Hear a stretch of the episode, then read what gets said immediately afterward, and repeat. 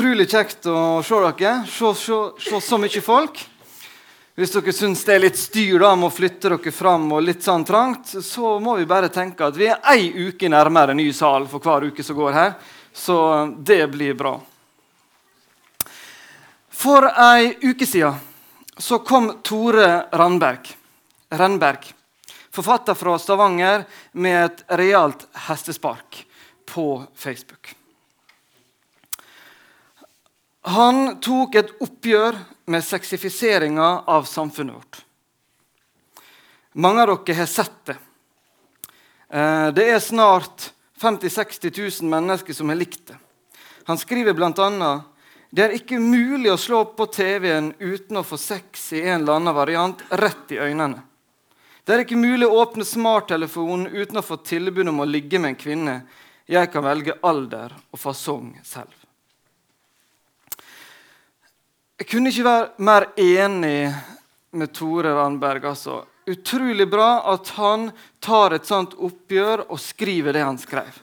For de som ikke har sett det, så kan de godt lese det.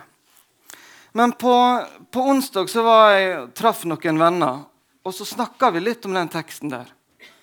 Og så fikk jeg meg til å si noe som jeg tenkte en del på etterpå. Jeg sa det at det, det var så bra at dette kom ifra Tore Rønberg.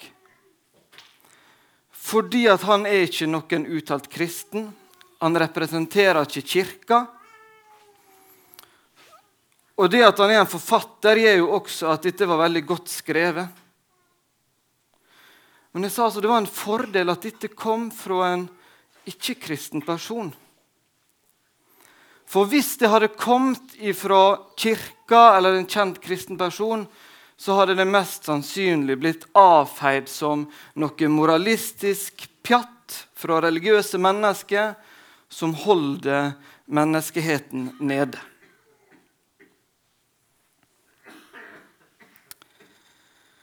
Tenk at jeg som pastor kan si det at det, hadde vært best at, her, at det var best at dette kom fra noen andre.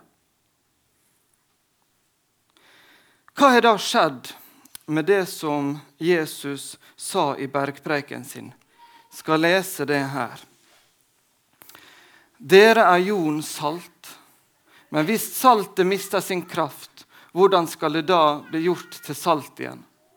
Det duger ikke lenger til noe, men kastes ut og tråkkes ned av menneskene.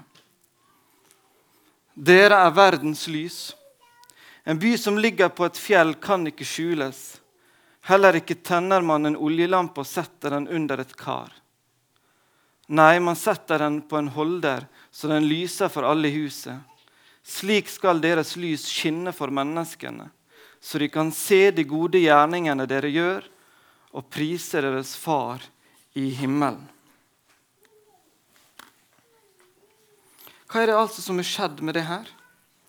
Har saltet fullstendig mista sin kraft?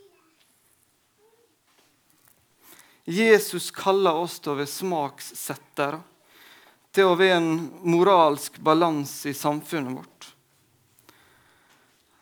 I dag så kjenner nok store deler av samfunnet vårt denne saltkrafta mest som en pekefinger som de ikke vil høre på, som blir latterliggjort. Eller så kanskje sånn som Matteus sine ord her. Når vi sier noe, så blir det bare kasta vekk og tråkka ned. Så pekefingeren den har langt på vei mista sin kraft. Eh, Gro Harlem Brundtland hun var opptatt av nabokjerringa. Jeg tror kanskje den vi har mista noe av krafta si. Om det står noen på trappa med ei kjevle i handa og kjefter på ungene i nabolaget, så tror jeg det vi preller av ganske fort. Men er det da grunnlag for å gi opp? Bør vi det? Gud han er trofasthetens gud. Og når han sier at vi skal gå ut og være salt og være lys, så vet han at dette vil fungere. Men kanskje kan vi tenke litt annerledes. Kanskje kan vi tenke at vi kan gjøre dette på en annen måte enn ved å bruke pekefingeren. Kanskje kan vi lære litt av det Bibelen sier oss om dette. Det skal vi se litt på i dag. Vi kan kalle dette her for eh, restaurert refleksjon. Kan kline til med en hashtag med RR i dag. Det er den samme som Royce-Royce bruker. Men Royce-Royce er jo kjent for å være noe bra. Og restaurert refleksjon hører til på samme hylle. Fordi at dette her er fjerde preika jeg holder denne våren om identitet. Vi har brukt god tid på å snakke om syndefallet og dens konsekvens. Om at vi var skapt i Guds bilde. Vi var skapt til å være perfekt, eh, et perfekt speilbilde av Gud.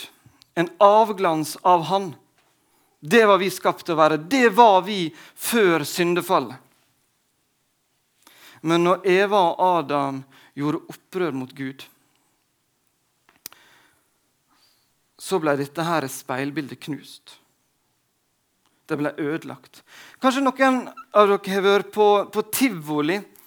Jeg tror det var i Tusenfryd jeg så dette her en gang. Et sånt speil som ser ut som en S.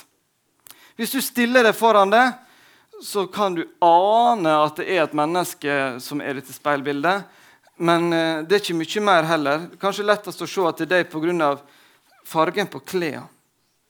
Jeg tror vi kan tenke om dette slik at idet vi tar imot Jesus, ønsker han velkommen inn i vårt liv, ber han tilgi oss alt det gale vi har gjort, så vil han begynne å jobbe med oss. Da vil dette her speilbildet se dårlig ut. Kanskje det vil se ut som et sånt speilbilde vi ser i et sånt tivolispeil. Og Dette speilbildet vil ikke bli helt perfekt før vi er hjemme hos Gud.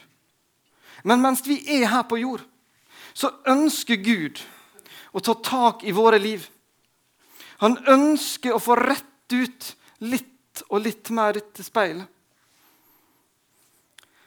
Slik at vi kan få lov til å vokse sammen med Han og bli mer og mer en avglans av Han. Du vil oppleve dette som en kroke etter vei. altså. Det vil oppleves som å gå på en litt sunnmørsk fjellsti. Mange røtter. Kanskje du må gå noen skritt tilbake, for du ser ikke stien videre også. Men når Bibelen snakker om åndelig vekst eller helliggjørelse, så handler det altså om at vi skal få lov til, i tru, å gå framover med Gud for å bli han mer lik, for å få samme sinnelag som han. Når eh, Bibelen snakker om dette, her, så begynner han ofte å snakke om hva vi må legge av, før han begynner å snakke om det vi skal ta på. Jeg skal lese et par bibelvers om det. 1. Peter 1, 14. Som lydige barn skal dere ikke lenger la dere lede av de lystne dere fulgte den gang dere levde i uvitenhet. Så er det en før og en etter det er en før da vi levde i uvitenhet, og så er det en etterpå der er vi blitt opplyst av Gud, av Guds ord. Og som lydige barn så skal vi altså legge av det vi hadde før vi ble opplyst.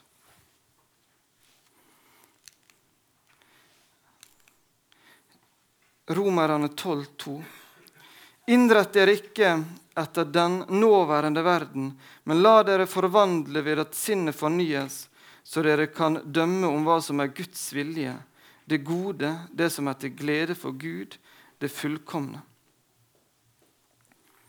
Jeg leste en, om en mann som har valgt å, å, på en måte omskrive dette verset her til 'ikke la verden skvise deg inn i sin form'.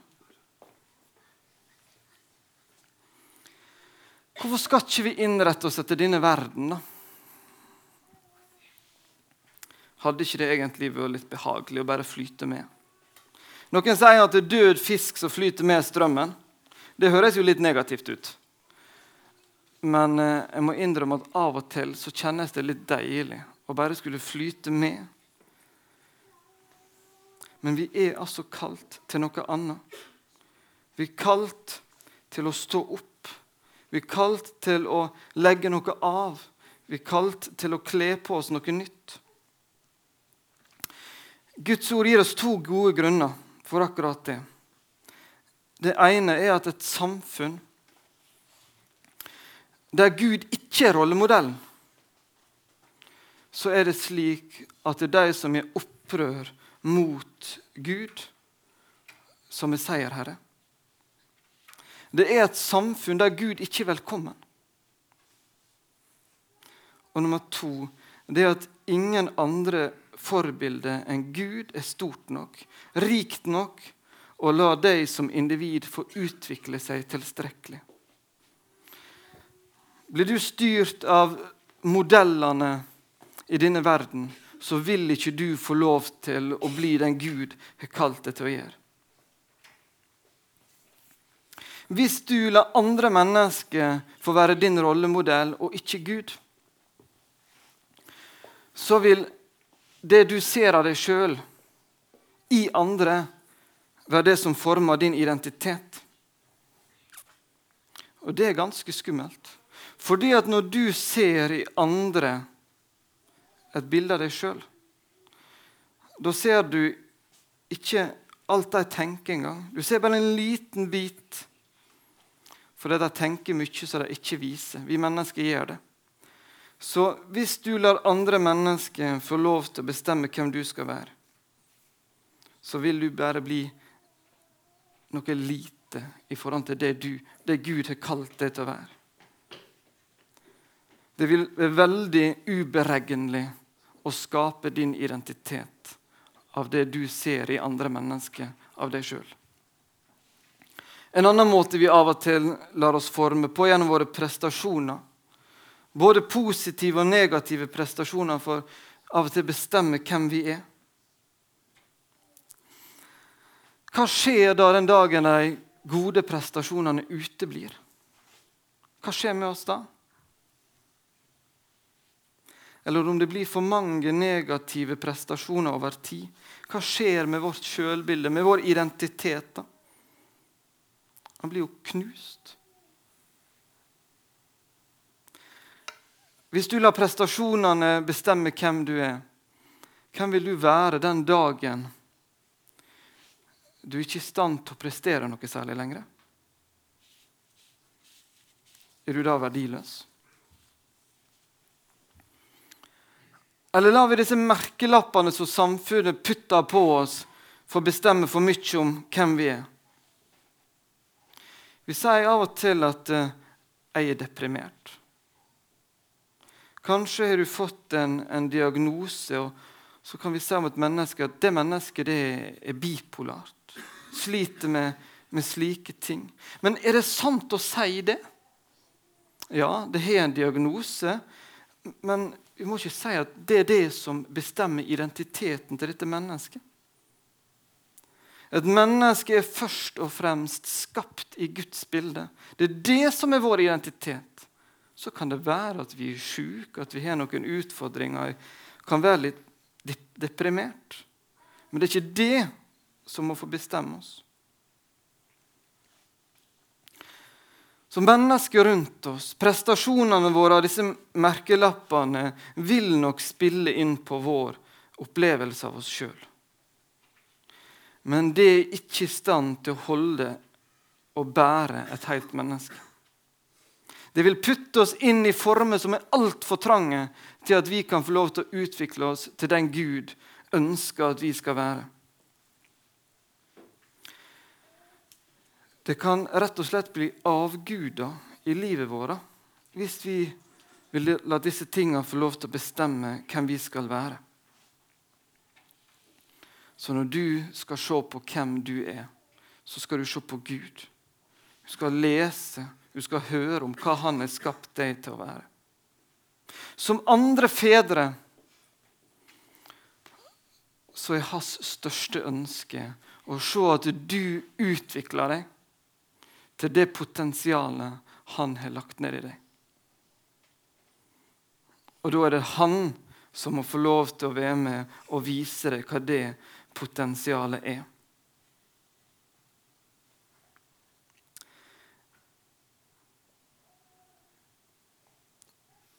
åndelig vekst, livet til oss kristne, handler altså i stor grad om at vi skal ta av oss Vi kan gjøre det så bestavelig at vi ser at det handler om å ta av oss noe klær.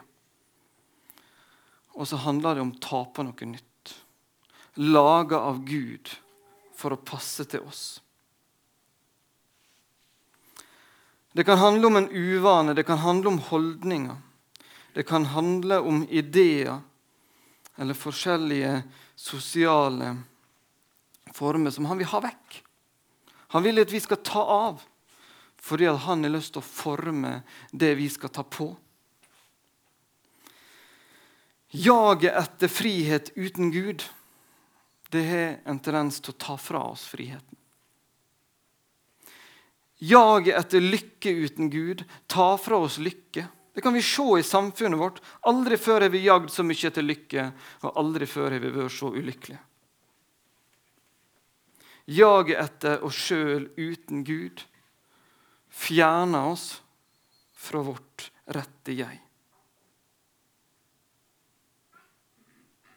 I hele tatt, det å, Dette jaget som vi mennesker ofte opplever uten Gud, det er faktisk blitt den største byrden i samfunnet vårt.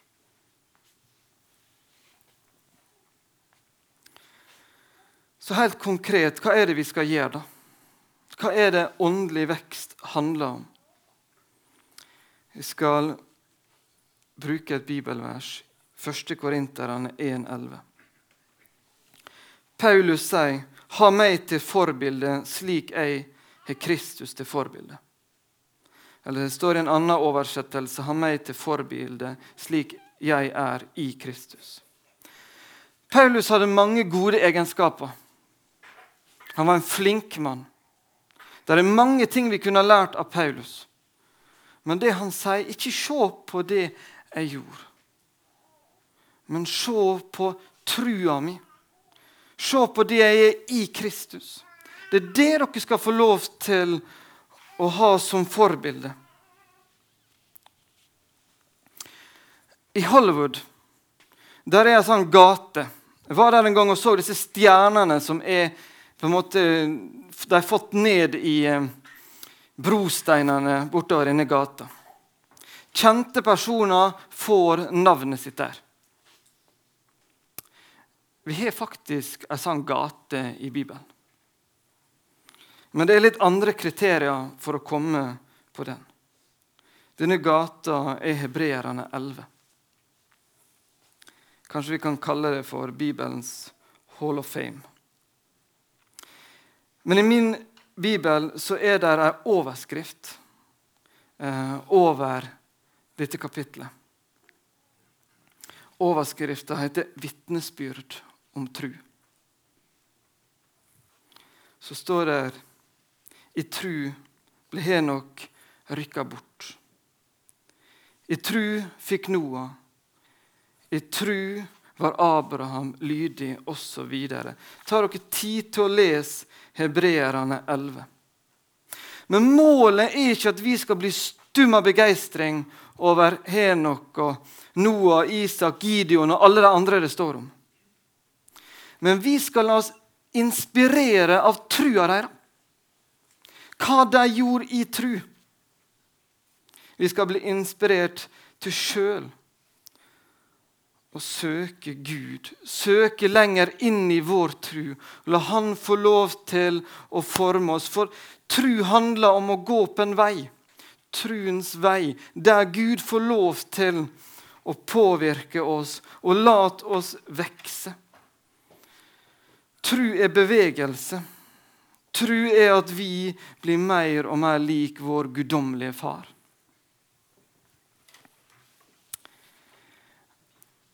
Jeg hadde en stor leseopplevelse forrige sommer.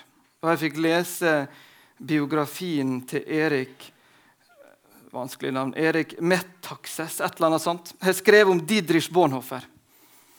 Eh, denne her biografien var veldig bra. Og jeg kjente jeg ble skikkelig glad i denne Didrich Bonhoeffer, tysk teolog. Uh, han avslutta livet sitt i fengsel. Bare noen få dager før andre verdenskrig er over, så blir han tatt livet av. Uh, mens han sitter i fengselscella si på slutten av krigen, så skriver han et dikt som jeg vil lese til dere. Hvem er jeg? Det sier så ofte jeg kommer ut fra min celle sindig, munter og trygg som godsherren ut av sitt slott. Hvem er jeg? Det sier så ofte jeg taler med vokterne mine utvunget, vennlig og klart som om jeg var fengselets sjef. Hvem er jeg? Det sier også 'jeg bærer motgangens dager', smilende, rolig og stolt som en som vant, som er vant til å seire. Er jeg virkelig den de andre sier? Eller er jeg den jeg kjenner selv? Urolig, lengtende, syk som en fugl i bur, i angst og kamp, som tok de strupetak på meg. Sulten på farger, blomster og fuglenes sang. Tørst etter gode ord og menneskets nærhet. Dirrende harm over vilkårlig og smålig behandling. Et drivende bytte for håp som stadig skifter. Avmektig, engstelig for venner langt borte. For trett og tomt til bønn, til å tenke og skape. Kraftløs og rede til avskjed med alt og alle. Hvem er jeg? Denne eller hin? Er jeg i dag og i morgen en annen? Er jeg begge i én? En hykler for mennesker, for meg selv en foraktelig, klynkende sekling? Eller ligner i mitt indre jeg den slagne hær som viker i kaos før seierens siste slag? Hvem er jeg? ensomhetens spørsmål holder meg for narr. Hvem jeg så er, du kjenner meg, jeg er din, min Gud. Didrich ble aldri kvitt sin syndige natur. Den måtte han kjempe med så lenge han var her på jord. Samtidig Tenk å få disse her tilbakemeldingene fra medfangene hans i fengsel. I en så vanskelig situasjon. Gjennom et liv sammen med Gud så hadde Dietrich fått vokse seg nærmere Gud. Det nye livet var forma av mesteren sjøl. Det mennesket rundt han så, var en Dietrich som stadig ble mer og mer lik Gud. For hver dag som gikk, så fikk han ved salt som var sterkere, som var mer kraftfullt. Han fikk lov til å være et lys som var sterkere og klarere. Og aller mest når det var som mørkest rundt ham.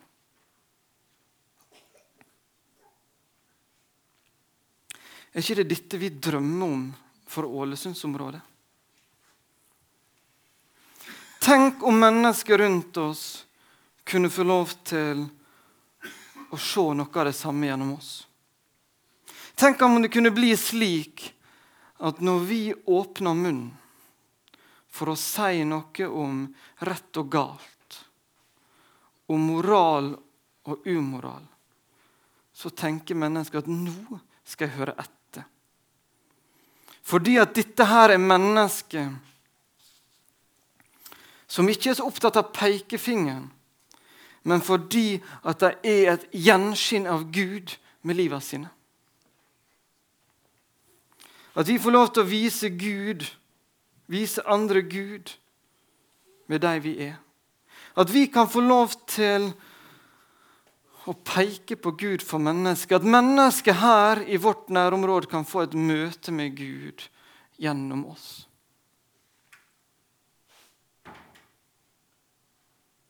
At vi har henta inspirasjon til våre liv fra Han som har skapt oss.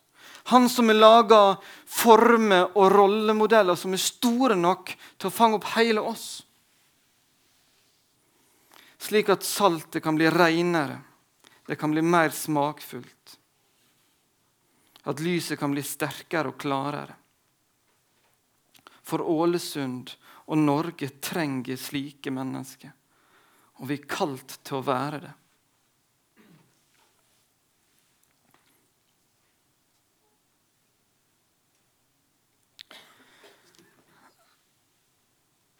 Tru til å gi til kristent arbeid og til mennesker som trenger det, har jeg fått av noen sånne forbilder. Jeg har hatt foreldre som har holdt givertjenesten høyt.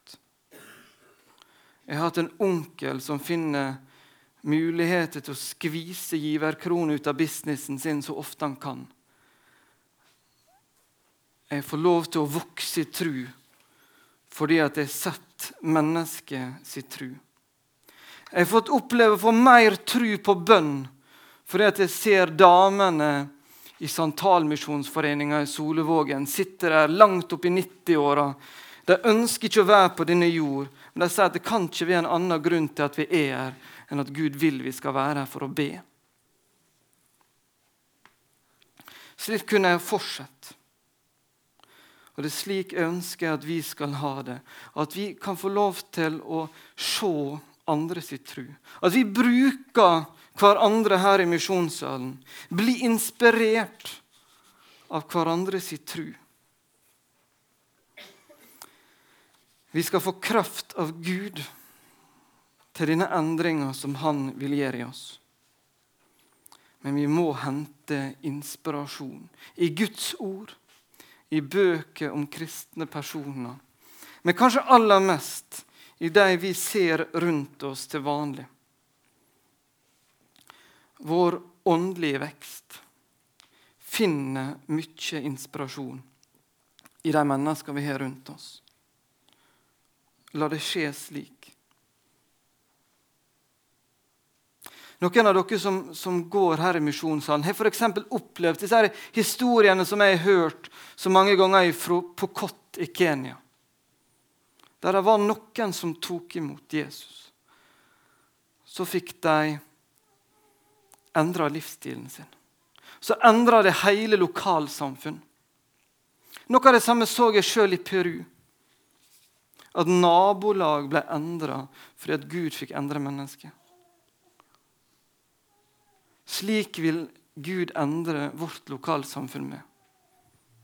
Fordi at han ønsker at du og meg skal få lov til å finne kraft. Vi skal få kraft av han. La oss inspirere av han og våre medkristne til å være salt og lys i den verden. Og det forbildet det vil få resultat. Kjære himmelske Far. Takk for det at du ikke bare vil tilgi oss alt gale vi har gjort, men at du som vår rette far ønsker å ta tak i livet vårt og gir oss mer og mer like deg, sånn at vi kan få bli et speilbilde, avglans av den du er. Jeg ber om at du må hjelpe oss til at vi kan få være salt og lys i vår verden. At vi kan få påvirke Ålesundsområdet. Så kan vi få lov til å påvirke mange andre plasser også i verden gjennom våre utsendinger. Jeg ber om at du må hjelpe oss til å se på de forbildene du har gitt oss. Amen.